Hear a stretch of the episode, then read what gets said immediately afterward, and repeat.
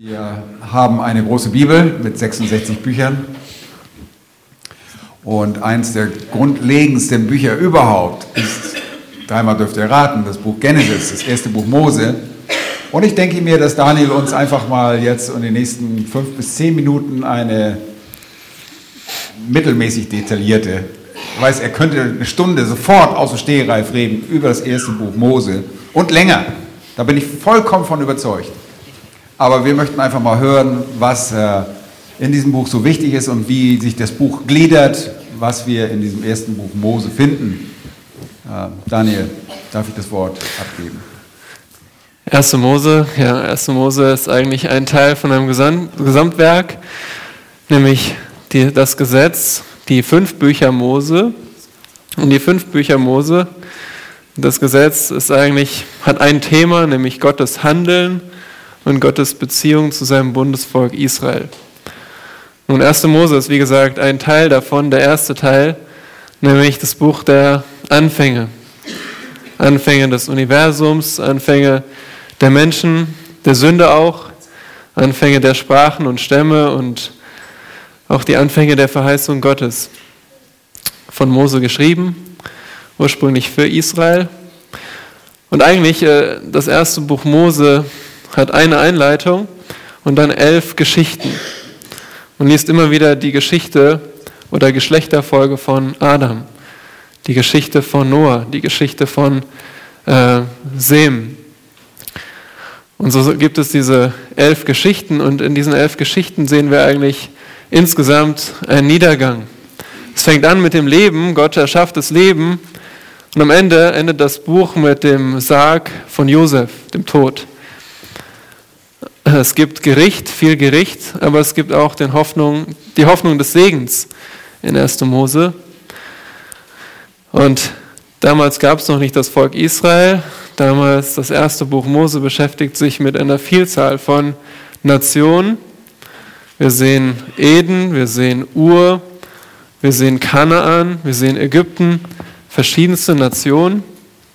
Aber es ist wie so ein Trichter. Es fängt an mit allen möglichen Völkern und, und wird immer trichterförmig, fokussiert sich auf wenige Personen, nämlich ja, auf die Stammväter von Israel. Elf Geschichten ist jetzt ein bisschen schwer zu merken, deswegen merken wir uns, merkt man sich am besten zwei Teile. Dazu brauche ich ähm, drei Freiwillige kurz. Ja, eins, Lukas Noah. Noch jemand, noch zwei? Ja, genau. Jason. Und David Elia, möchtest du noch? David Elia, stell dich doch mal hier zu der Treppe. Lukas Noah, du darfst mal zu David Elia gehen und einen Schritt in unsere Richtung kommen. Stell dich mal direkt neben ihn, mach einen Schritt. Jason, du darfst auch mal zu David Elia gehen und mach mal zehn Schritte, okay? Zehn Schritte.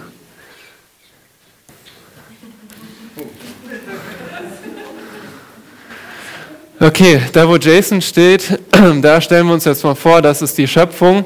Wir wissen nicht genau, wann es passiert, aber diese zwei Teile sind von der Zeit her sehr unterschiedlich.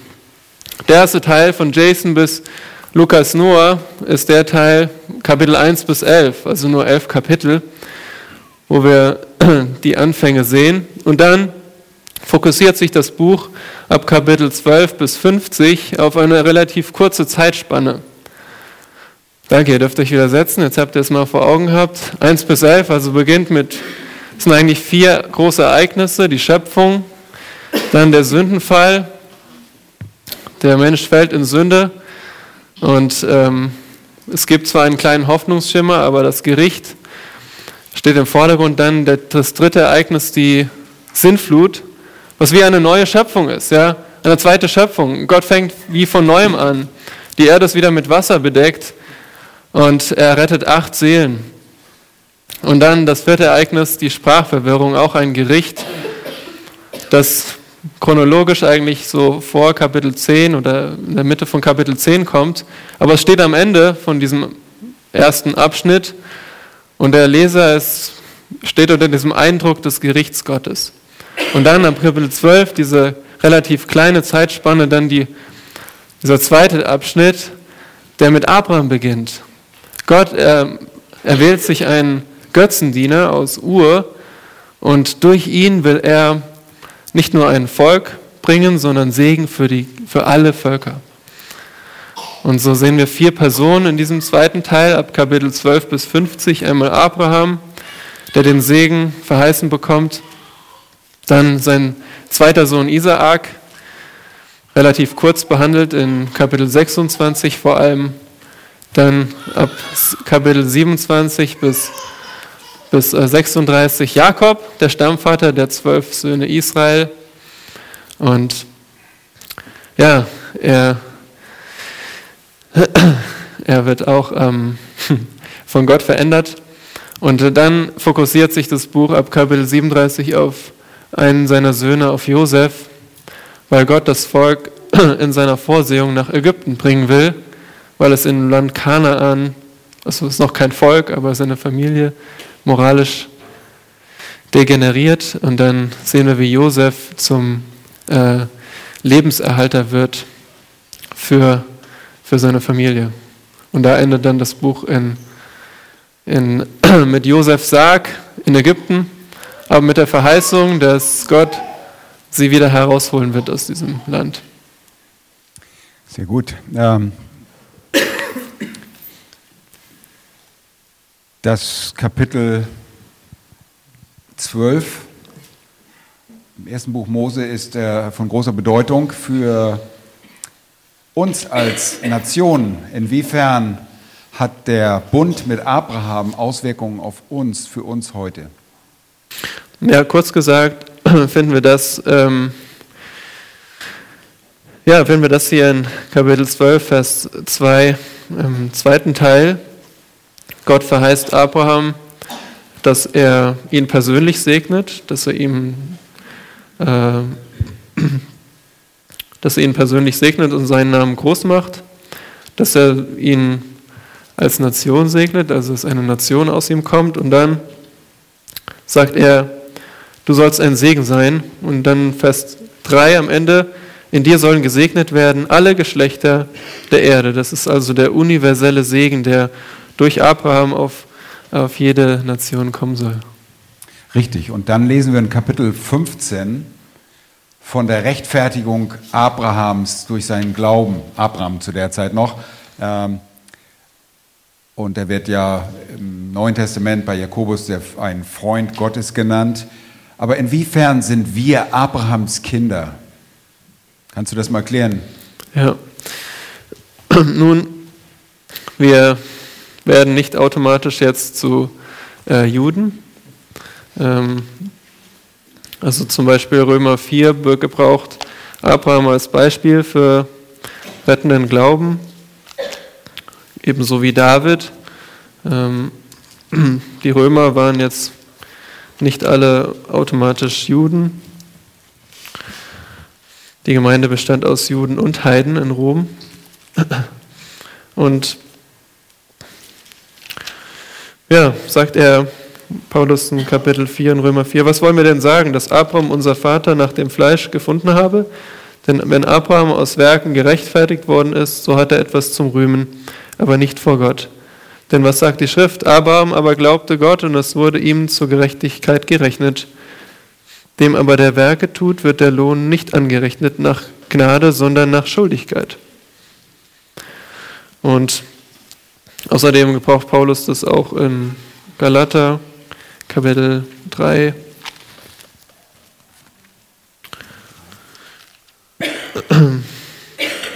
Wieder sagt er, die Schrift, ähm, 3 Vers 8, die Schrift aber voraussehen, dass Gott die Nation aus Glauben rechtfertigen werde, verkündigte dem Abraham die gute Botschaft voraus.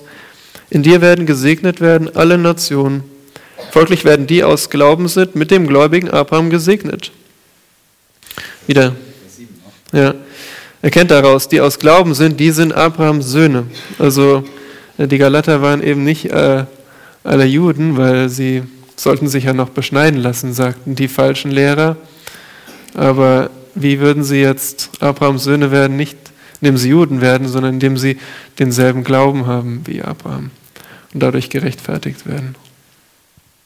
Danke. Dieser unilaterale Bund, wie man den auch nennt, äh, der einseitige oder bedingungslose Bund manchmal äh, mit Abraham. Wie, wird, wie garantiert Gott die Erfüllung der Verheißung, die er dort gegeben hat? Mhm. Nun, die Erfüllung der Verheißung äh, hängt eben nicht von Abraham und seinen Werken ab.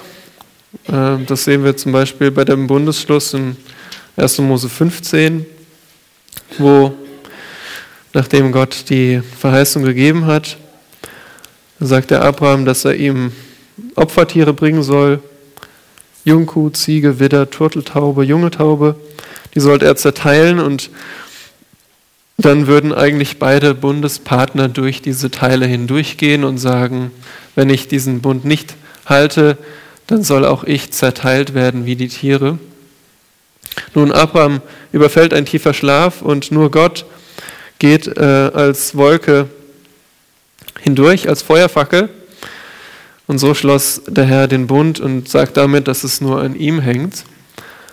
Auf der anderen Seite bekommt nicht jeder diesen Segen Abrahams automatisch, äh, sondern nur die, die glauben. Deswegen sehen wir bei Abraham, dass er glaubte, so wird er mit dem Segen verbunden, aber dass der Segen passiert, äh, dass er kommt, das hängt nur an Gott. Das garantiert nur Gott allein. Sehr richtig. Und äh, wir sehen es auch, indem sich Gott wodurch noch verbirgt, durch seine eigenen Schwur, ne? ja. dass er bei sich selbst schwört. Ja. Und immer wieder wird das auch aufgerufen äh, in der Geschichte und den Israeliten in Erinnerung gebracht, dass Gott bei sich mhm. selbst geschworen hat, weil es niemand Höheres gibt, bei dem man schwören konnte. Mhm. Und äh, ja, wenn es heißt, dass Israel äh, Erfüllung dieser Verheißung haben wird im Alten Testament, was bedeutet das am Ende, und wir kommen gleich in der Theologie dazu, äh, wenn äh, es einen Überrest geben wird. Was passiert mit diesem Überrest, der noch lebt, wenn Christus wiederkommt? Nun, ja, das ist ja auch so die Frage im Neuen Testament gewesen, was ist jetzt mit den Juden? Äh, sie haben den Herrn verurteilt und er wurde gekreuzigt, sie haben ihn abgelehnt. Das Gericht kam, die Zerstörung Jerusalems, die Zerstreuung. Da ist jetzt Israel weg vom Fenster, aber gerade Römer Kapitel 9 bis 11 zeigt ja, dass Gott noch einen Plan mit Israel hat. Und in Römer 11 lesen wir davon, dass wenn Christus wiederkommt, dass ganz Israel gerettet wird, alle, die noch am Leben sind, und ähm, dass die Verheißung an Abraham auch erfüllt wird, dass, äh, dass sie in dem Land wohnen werden unter einer gerechten Herrschaft. Was passiert mit den alttestamentlichen Heiligen zu der Zeit? Nun, die Heiligen werden, ja, hatten schon die Hoffnung, dass sie auferstehen und sie werden auferstehen und auch mit Christus regieren. Okay. Gut, meine Zeit ist ab. Herr Pascal, setzt du bitte fort. Ja, wir haben bis zehn, aber wir müssen es durch drei teilen. Das geht, ne? Ein, zwei. Auch nicht? Doch, jetzt ist gut.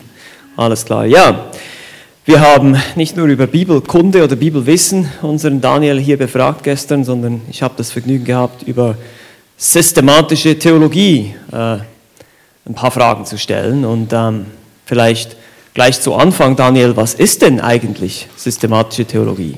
Mhm. Ja, das ist eine gute Frage.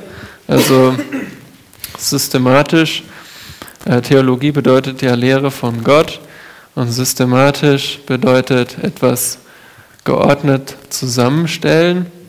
Und deswegen kann man das am einfachsten erklären mit, dass man systematische Theologie ist das Erforschen und das geordnete Zusammenstellen und Formulieren von Wahrheiten über Gott und alle Dinge, die er geschaffen hat, äh, gemäß seiner Offenbarung. Also nicht gemäß dem, was wir uns vielleicht ausdenken, sondern gemäß dem, was er geoffenbart hat in seiner, seinem allgenugsamen Wort. Sehr schön, danke.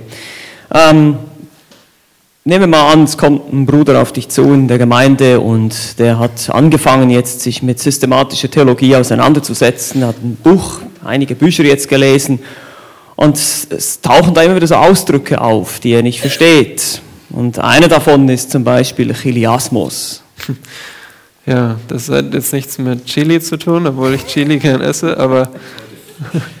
Gibt es heute, ja, genau. ähm, und das kommt von dem Wort für, für tausend und bezeichnet den, die Überzeugung, dass ähm, das zukünftige Reich Gottes auf der Erde 1000 Jahre lang währen wird. Mhm, danke. Er hat auch einen anderen Ausdruck gefunden, der heißt Ordo Salutis.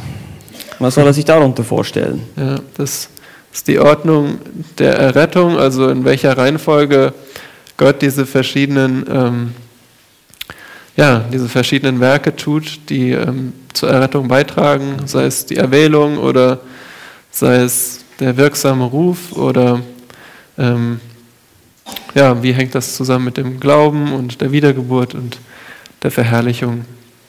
Und dann gibt es ja auch verschiedene ähm, Arten, wie man an Gott glaubt. Ähm, es gibt zum Beispiel verschiedene äh, Formen, zum Beispiel Pantheismus. Mhm. Weißt du, was das ist?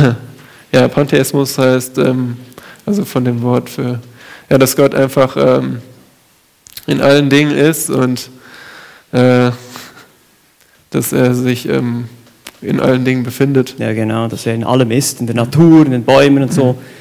Oder er hat sogar den Ausdruck Henotheismus gefunden. Der soll irgendwas Ähnliches sein wie Monotheismus, aber er hat es ihm nicht ganz verstanden.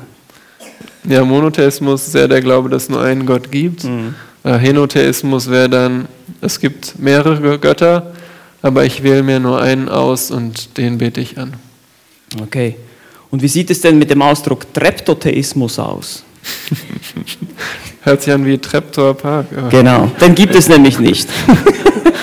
Danke. Ähm, wir, machen, wir haben solche Sachen gemacht, aber auch ähm, Situationen. Es ist ja nicht einfach so, dass jemand zu dir kommt und dich, dir einfach in einen Ausdruck an den Kopf wirft, sondern manchmal gibt es ja auch Situationen. Und hier haben wir zum Beispiel eine Situation, ich lese es mal kurz vor. Ein Jugendlicher kommt auf dich zu und erzählt dir, dass er kürzlich den Film Armageddon mit Bruce Willis gesehen habe. In dem Film geht es um das Ende der Welt. Er weiß, dass das Wort Armageddon auch in der Bibel vorkommt und möchte gerne mehr darüber erfahren. Wie würdest du ihm weiterhelfen? Ja, nun, wahrscheinlich in dem Film, ich habe ihn jetzt selbst nicht gesehen, aber da wird einfach ein Begriff gebraucht und, und dann eine Geschichte dazu erfunden. Nun, der Begriff in der Bibel kommt hier in Offenbarung 16 vor. Ähm, Gott zeigt in der Offenbarung, dass in der Zukunft, vor, bevor er seine Herrschaft aufrichtet, ein schon im Alten Testament verheißenes Gericht kommt. Und der Begriff Harmageddon kommt ziemlich am Ende, eigentlich so das Ende dieser Gerichtszeit, der sogenannten Trübsalzeit, sehen wir hier, ähm, der Kontext ist, der Antichrist, ähm, gestärkt vom Satan und, und der falsche Prophet, die Widersacher Gottes, äh, verführen die Menschen zu einem letzten Krieg. Und dieser Krieg wird in, in, in Israel ausgetragen. Mhm. Satan möchte alle Nationen in Israel schon mal vereint haben mit all ihren Kriegsgeräten, weil er weiß, dass Jesus Christus wiederkommen wird in Israel, in Jerusalem. Es wird es einen Krieg geben und einer der, der Fokus der Kriegsorte ist ein Ort, der Harmageddon heißt, Offenbarung 16, Vers 16. Bedeutet Berg von Megiddo. Äh, Megiddo liegt in einer Ebene im Norden Israels, ich war selbst schon da. Das ist eine perfekte Kampfebene. Es gibt Berge drumherum. Und, und dort wird, diese, ähm, ja, wird ein Krieg ausgeführt. Und dann äh, kommt der Jesus Christus wieder auf den Ölberg und, und ähm, ja, richtet ein Blutbad an über all die, die eben sich in Rebellion gegen ihn versammelt haben. Also ein sehr ernsthaftes und äh, ernüchterndes Thema, äh, aber eine gute Möglichkeit, dem Jugendlichen zu sagen, dass dass jetzt eine Zeit der Gnade ist, aber dann die Zeit des Gerichts kommt über all diejenigen, die äh, nicht auf Jesus Christus vertrauen und nicht zu ihm umgekehrt sind. Darum heute ist die, der Tag des Heils. Genau, der Weltuntergang wird nicht durch einen Asteroiden herbeigeführt, sondern durch die Wiederkunft Christi. Oder dann fängt es erst richtig an. Das mhm. heißt, das Ende dieses Zeitalters, aber der Anfang des neuen Zeitalters, das ist vollkommen richtig. Hast immer die Möglichkeit, auch darauf hinzuweisen. Okay, eine andere Frage, ähm, auch äh, zum Thema Endzeit. Ihr seht, wir haben, haben, uns vor allem auch in der Eschatologie aufgehalten hier. Ähm, ein junger Mann kommt zu dir und möchte mehr erfahren über die, den Unterschied zwischen der Entrückung und der Wiederkunft. Warum wir das überhaupt so sehen, wir jetzt hier als Bibelgemeinde Berlin, warum wir glauben, dass die Entrückung und die Wiederkunft Christi zwei unterschiedliche Ereignisse sind, woran wir das sehen können. Und auch warum wir glauben, dass die Entrückung auch vor der sogenannten Trübsalzeit, die du schon bereits erwähnt hast, diese Zeit des Gerichts stattfinden wird. Weil da gibt es auch verschiedene Positionen zu dem Thema. Vielleicht kannst du da mal ein bisschen erläutern drüber. Mhm. Ja, gerne. Ja, mir fallen vor allem äh, zwei Stellen ein. Also zum einen, der Herr Jesus Christus hat schon seine Wiederkunft angekündigt. Zum Beispiel in der Ölbergrede, Matthäus Kapitel 24. Das ist ja in der letzten Woche, bevor er dann ans Kreuz ging, erklärte den Jüngern, was in der Zukunft kommen wird, was mit dem Tempel sein wird und dass es eine Zeit der Bedrängnis geben wird aber in Matthäus 24, Vers 29 sagt er, dass gleich nach der Bedrängnis es Himmelserscheinung geben wird. Die Sonne wird verfinstert, der Mond seinen Schein nicht geben, die Sterne werden vom Himmel fallen und die Kräfte der Himmel erschüttert werden. Und dann wird das Zeichen des Sohnes des Menschen im Himmel erscheinen. Und der Sohn des Menschen wird kommen auf den Wolken des Himmels und er kommt auf die Erde. Er kommt auf die Erde, um sein Reich aufzurichten, lesen wir dann in Matthäus 25 und damit seine Verheißung an Israel wahrzumachen. Auf der anderen Seite ähm, ja, gibt, es, gibt es die beiden Thessalonicher Briefe. Die Thessalonicher wussten davon, dass diese Zeit der Bedrängnis kommt und sie hatten jetzt äh, die Befürchtung, dass sie sich schon in dieser Bedrängnis befinden. Oder sie waren auch unsicher, was mit den Geschwistern passiert, die schon gestorben sind. Und in 1. Thessalonicher 4 ermutigt äh, Paulus die Thessalonicher, dass es ein Ereignis geben wird, nämlich, dass der Herr selbst äh, wiederkommt um, und bei seiner Wiederkunft äh, die Toten auferstehen werden heißt es, denn der Herr selbst wird beim Befehlsruf, bei der Stimme eines Erzengels und bei dem Schall der Posaune Gottes herabkommen vom Himmel und die Toten in Christus werden zuerst auferstehen. Danach werden wir, die Lebenden, die übrig bleiben, zugleich mit ihnen entrückt werden in Wolken dem Herrn entgegen, in die Luft. Und so werden wir alle Zeit beim Herrn sein. Ja, was für, eine, was für ein Ausblick. Wir sehen anhand von bei dem Vergleich dieser beiden Stellen, dass es sich nicht um dasselbe Ereignis handelt. Einmal kommt der Herr in Herrlichkeit auf die Erde, um sein Reich aufzurichten. Im anderen Fall kommt der Herr und entrückt die Gläubigen zu sich in die Luft, zu sich in den Himmel. Und so, wenn wir einfach äh, einigermaßen logisch denken, sehen wir, dass es nicht dasselbe Ereignis ist. Und die Bibel zeigt uns auch Weshalb? Nämlich in 1. Thessalonicher 1, Vers 9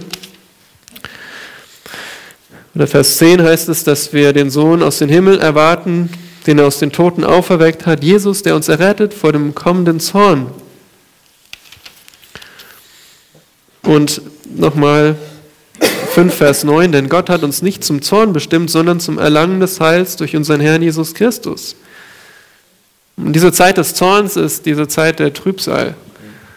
Und davor will der Herr seine Gemeinde retten. Und wie er das tut, ist durch die Entrückung. Und diese Erwartung hatten die Gläubigen zur Zeit des Neuen Testaments, dass der Herr jederzeit wiederkommt. Sie haben nicht auf die Trübsal gewartet, sondern auf die Wiederkunft des Herrn. Und Paulus in 2. Thessalonicher ermutigt er sie, dass sie eben noch nicht in dieser Trübsal sind, weil der Herr noch nicht wiedergekommen ist. Ansonsten hätte er sagen sollen, äh, nee, ich habe euch nichts zu sagen, ihr habt recht, ähm, es kann sein, wir sind schon in der Trübsal. Nein, das macht er nicht. Er sagt, äh, er, er korrigiert ja gerade ihre Unruhe und sagt, ihr seid noch nicht in der Trübsal, weil der Herr eben noch nicht wiedergekommen ist, um seine Gläubigen zu entrücken. So sehen wir, dass es zwei verschiedene Ereignisse sind und dass wir jetzt auf die Entrückung warten. Gibt es noch weitere Gedanken oder Argumente, warum wir glauben, dass die Entrückung vor der Trübsal ist? Du hast jetzt bereits die Erwartungshaltung der Thessalonicher erwähnt, das ist richtig. Das ist ein sehr gewichtiges Argument, das Versprechen Jesu, auch in Johannes 14, mhm. äh, dass er wiederkommt, um uns zu sich zu holen. Die unterschiedlichen ähm, Charakteristiken der Ereignisse, eben der sichtbaren Wiederkunft in Matthäus 24 oder eben auch jetzt hier im Thessalonischen Brief, wo wir sehen, es ist offensichtlich kein, nicht dasselbe Ereignis, es kann nicht sein, aber für eine weitere Sache, die vielleicht auch noch wichtig ist oder was dir in den Sinn kommt, mhm. das ein Argument wäre. Gut, ein Argument ist ähm, zum Beispiel die Stelle in Jeremia 30, Vers 7 wo über diese Zeit der Trübsal gesprochen wird. Dort wird diese Zeit der Trübsal die Zeit der Bedrängnis für Jakob genannt. Also eine Zeit der Bedrängnis für, für das Volk Israel vor allem. Und da die Gemeinde nicht Israel ist, ähm, ist die Absicht Gottes nicht für die Gemeinde, dass sie durch diese Zeit hindurchgeht. Das andere Argument wäre noch ähm, das Buch der Offenbarung, wo wir sehen, dass Johannes chronologisch vorgeht und zuerst sagt, was war, was ist und was kommen wird. In Kapitel 2 bis 3 spricht er davon, was ist, nämlich die Zeit der Gemeinde. Und da gibt er auch die Verheißung an die Gemeinde in Philadelphia in Offenbarung 3, Vers 10, dass Jesus sie bewahren wird vor der Stunde der Versuchungen, die über den ganzen Erdkreis kommen wird, um die zu versuchen, die auf der Erde wohnen. Dann sehen wir eine Schau im Himmel, Kapitel 4 bis 5, und danach lesen wir nichts mehr von der Gemeinde in der Zeit der Trübsal. Also das wäre unvorstellbar, dass die Gemeinde nicht erwähnt wird, wenn sie in dieser Zeit auf der Erde ist. Sehr gut. Vielleicht noch eine kleine etwas spitzfindigere Frage hier für dich. Mal sehen. Ähm, inwiefern sind Heilige, also gerettete Gläubige, mit unverherrlichtem Leib im tausendjährigen Reich ebenfalls ein Argument für die Entrückung vor der Trübsal? Naja, wenn, wenn jetzt alle Gläubigen, wenn die Entrückung zum Beispiel ganz am Ende der Trübsal wäre, mhm. würden alle Gläubige auferstehen und die, die leben, noch verherrlicht werden. Genau. Dann gäbe es äh, in dem Sinne keine Menschen mit unverherrlichten Leibern. So ist es, ja. Super. Sehr gut. Wir haben noch fünf Minuten. Ähm, du hast vorhin erwähnt, dass die Gemeinde nicht Israel ist. Kannst du das vielleicht auch noch ein bisschen mehr erläutern? Ähm, es gibt ja immer wieder Leute, die auch aus dem reformierten Hintergrund auf uns zukommen und eben diese äh, ich nenne es jetzt mal Ersatztheologie, die nennen das teilweise anders, ja, das weiß ich, ähm, aber wir nennen das so, dass eben jetzt die Gemeinde im Neuen Testament sozusagen geistliche Erfüllung ist von verschiedenen äh, Verheißungen im Alten Testament, vor allem eben auch für Israel. Ähm, und insbesondere auch der Vers äh, über das Israel Gottes, den wir finden im Neuen Testament auch angeführt werden, andere Dinge. Wie würdest du das jetzt begründen, dass das eben nicht so ist? Wir als Bibelgemeinde sehen das nicht so. Ähm, ich weiß, du siehst es auch nicht so.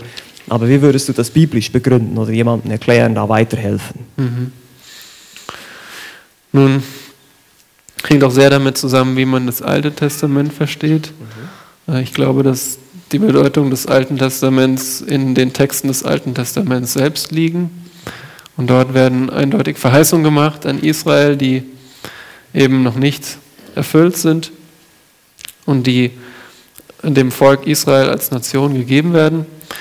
Aber im Neuen Testament sehen wir zum Beispiel in 1. Korinther 10, in Vers 32, nach dem bekannten Vers, dass wir alles zur Ehre Gottes tun sollen, sagt Paulus, seid unanstößig, sowohl für Juden als auch für Griechen, als auch für die Gemeinde Gottes. Hier sehen wir drei verschiedene Gruppen, die Juden, die Griechen, also die Ungläubigen, Heiden und die Gemeinde Gottes. Also Juden sind nicht gleich Gemeinde, weil sonst würde hier stehen, seid unanstößig sowohl für die Gemeinde als auch für die Griechen als auch für die Gemeinde Gottes.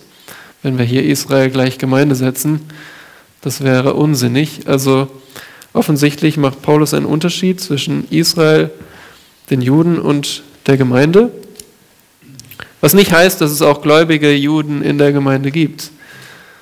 Die sind natürlich in der Gruppe Gemeinde gemeint, aber die ungläubigen Juden bleiben immer noch Israeliten.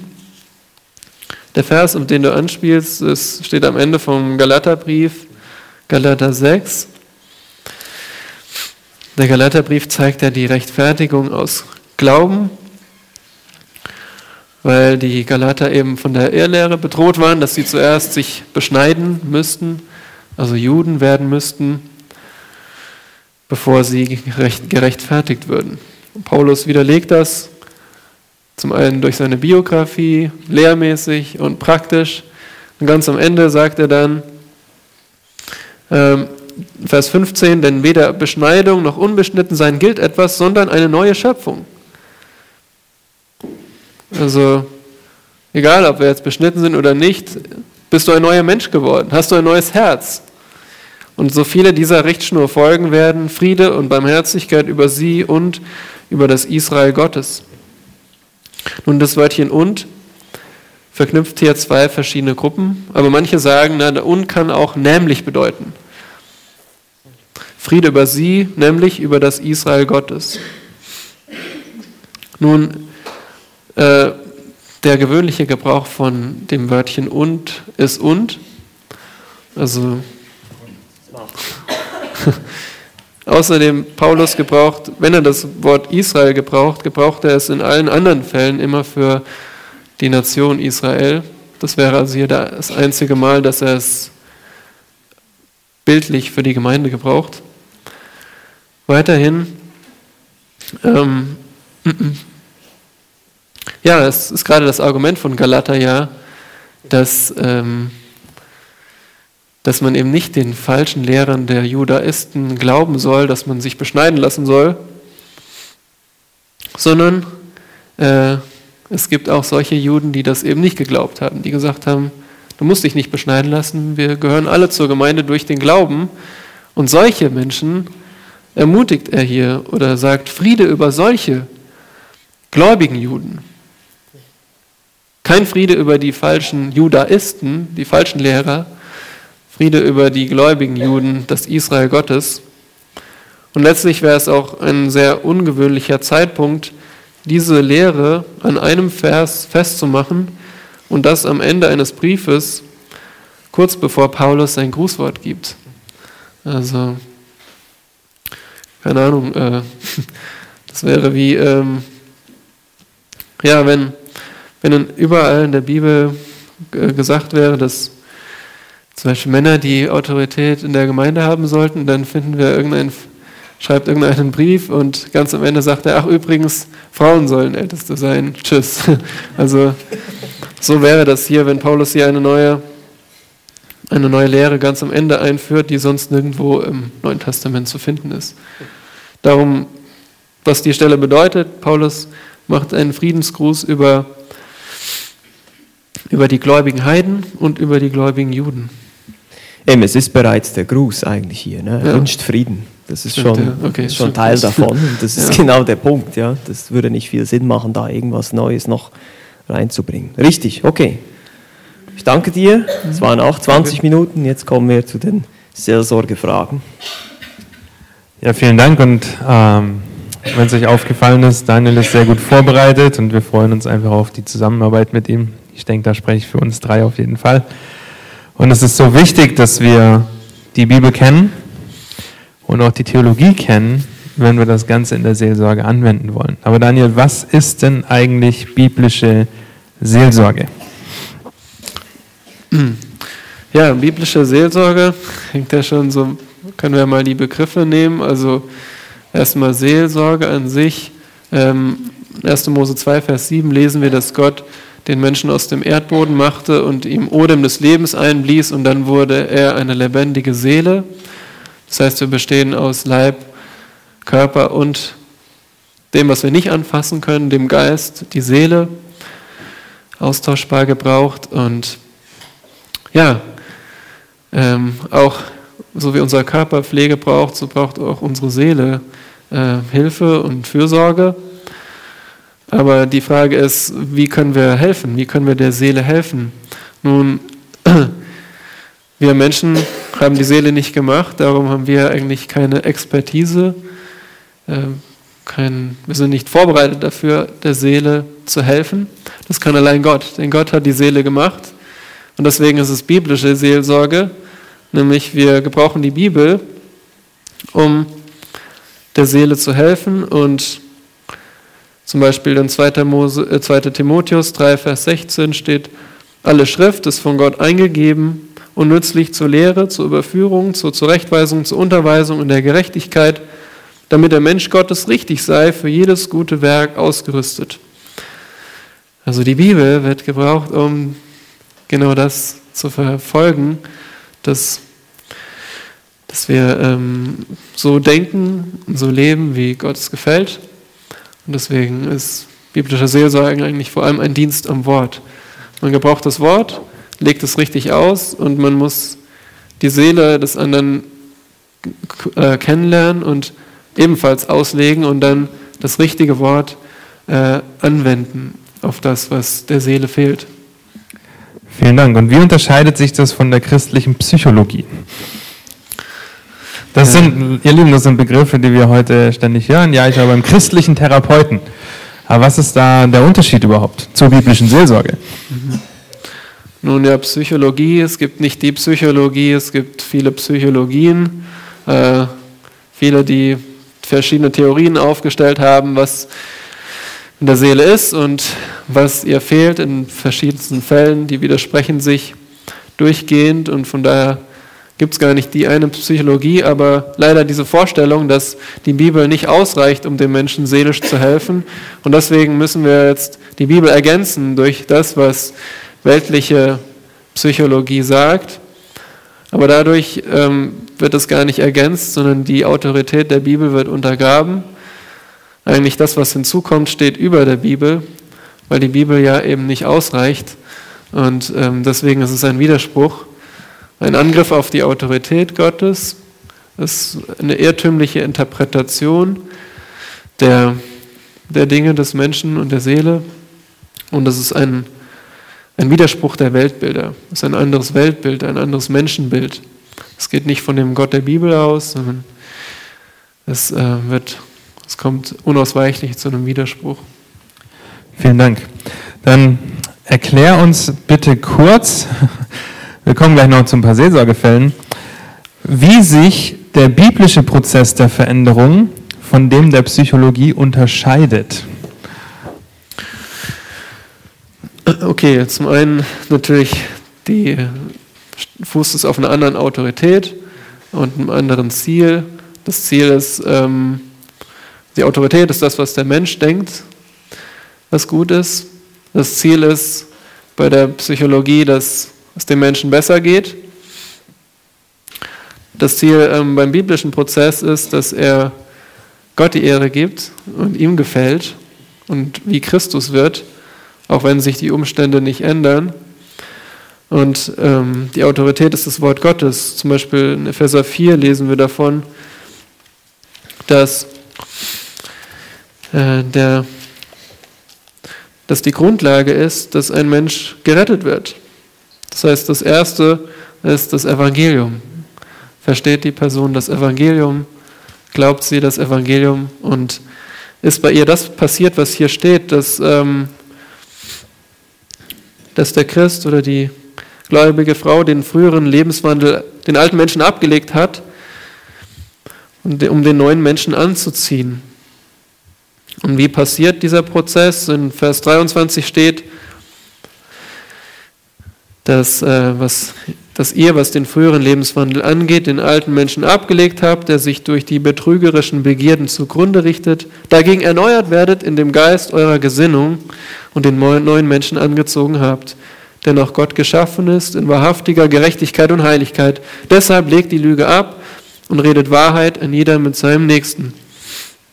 Das heißt, als erstes müssen wir unsere Gesinnung erneuern und ähm, anders denken über das, ähm, was immer das Problem ist, wo Veränderung notwendig ist.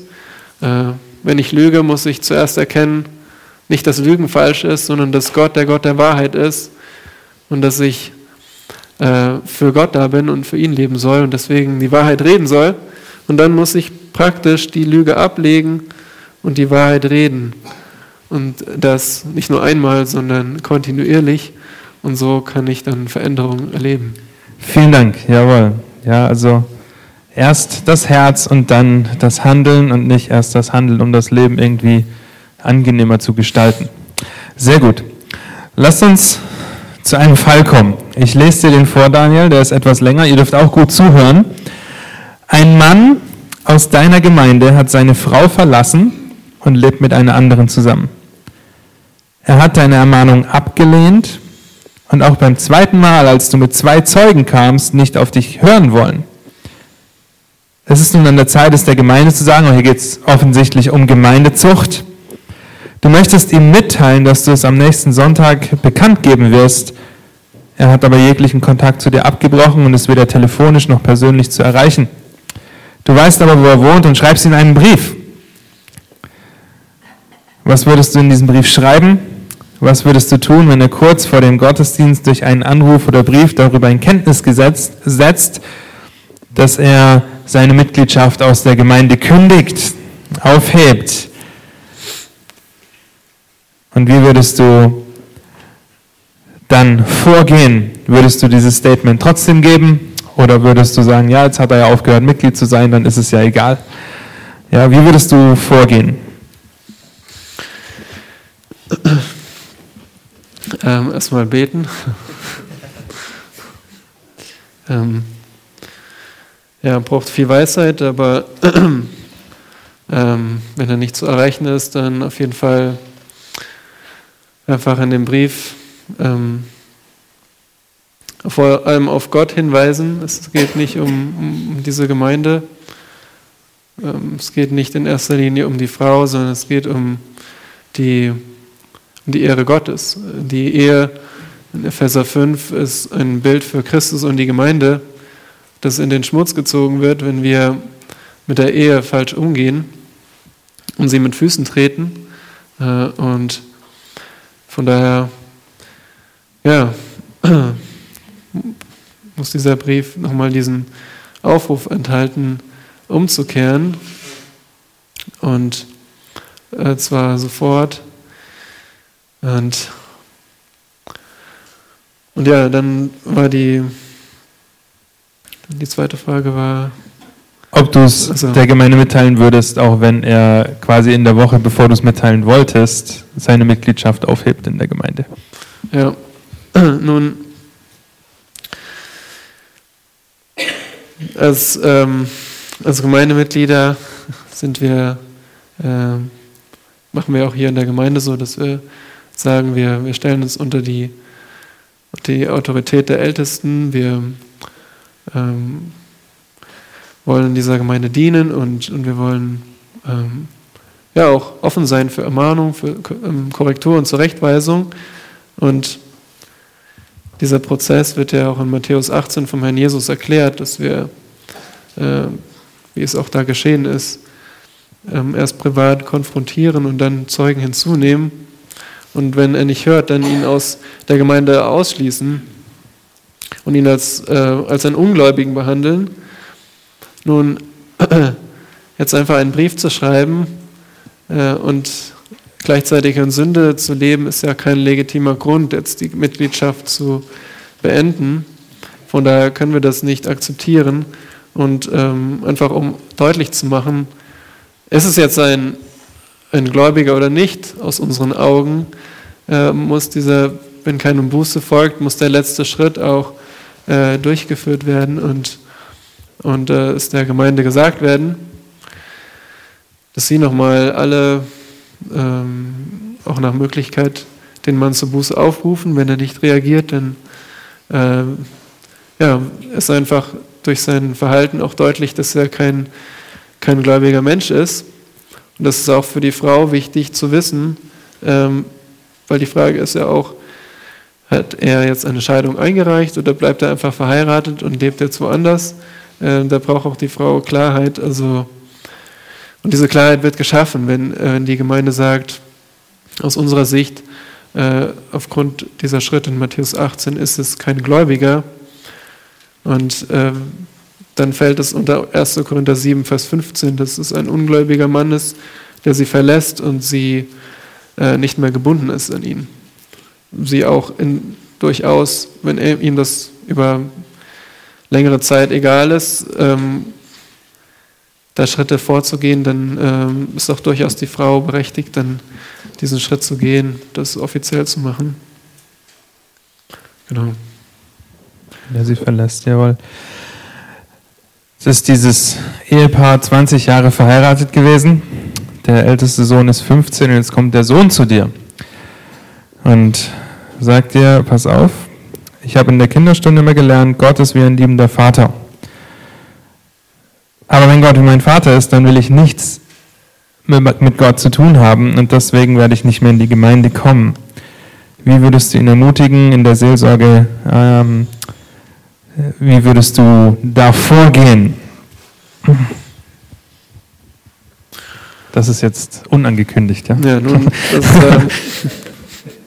ähm, ähm, ja, ist wichtig, einfach, auch wenn man jetzt selbst, mein Vater ist hier und ich habe einen sehr guten Vater, äh, wenn man das selbst nicht so erlebt hat, es ist schwer, auch sich hineinzuversetzen, aber ähm, wichtig ist einfach, nicht sofort zur Bibelstelle zu springen oder zurechtzuweisen, sondern äh, sich versuchen hineinzuversetzen und Mitgefühl zu zeigen, äh, Mitgefühl zu zeigen mit der Schwierigkeit, die dieser Junge hat, äh, sich jetzt Gott als Vater vorzustellen.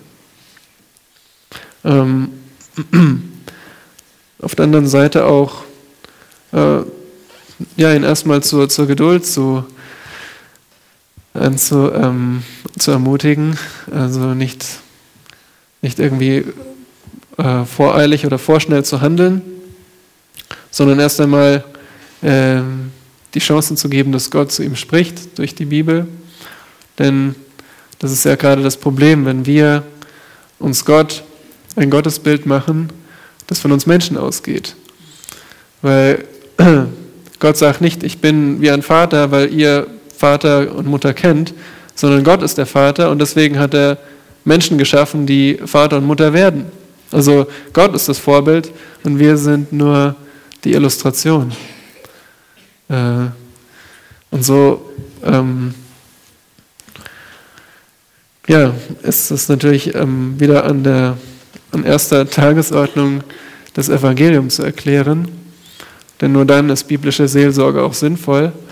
Und äh, dem, dem jungen Mann einfach Gott als Vater vorzustellen. Ähm, Gott, der, der gerne Vater werden will durch Jesus Christus, wenn wir umkehren, wenn wir ihn um ein neues Herz bitten und dann ähm, würde ich mich freuen, so mal da durchzugehen durch Gott als Vater in der Bibel. Vielen Dank. Ja, du sagst Hoffnung geben. Das wollen wir immer tun in der Seelsorge. Einfach ermutigen, Barmherzigkeit zeigen, Mitleid, auch Mitgefühl zeigen und auch ähm, anerkennen, dass wir in einer gefallenen Welt leben. Ja, wie du sagst, Gott ist das Beispiel des Vaters und nee, er ist das, der Ursprung, was es bedeutet, ein Vater zu sein und der Mensch ist nur ein das im Ebenbild ein Beispiel davon, so wie die Ehe, ja, wie wir vorher hatten, ein Bild für Christus und die Gemeinde ist. Vielen, vielen Dank, Daniel.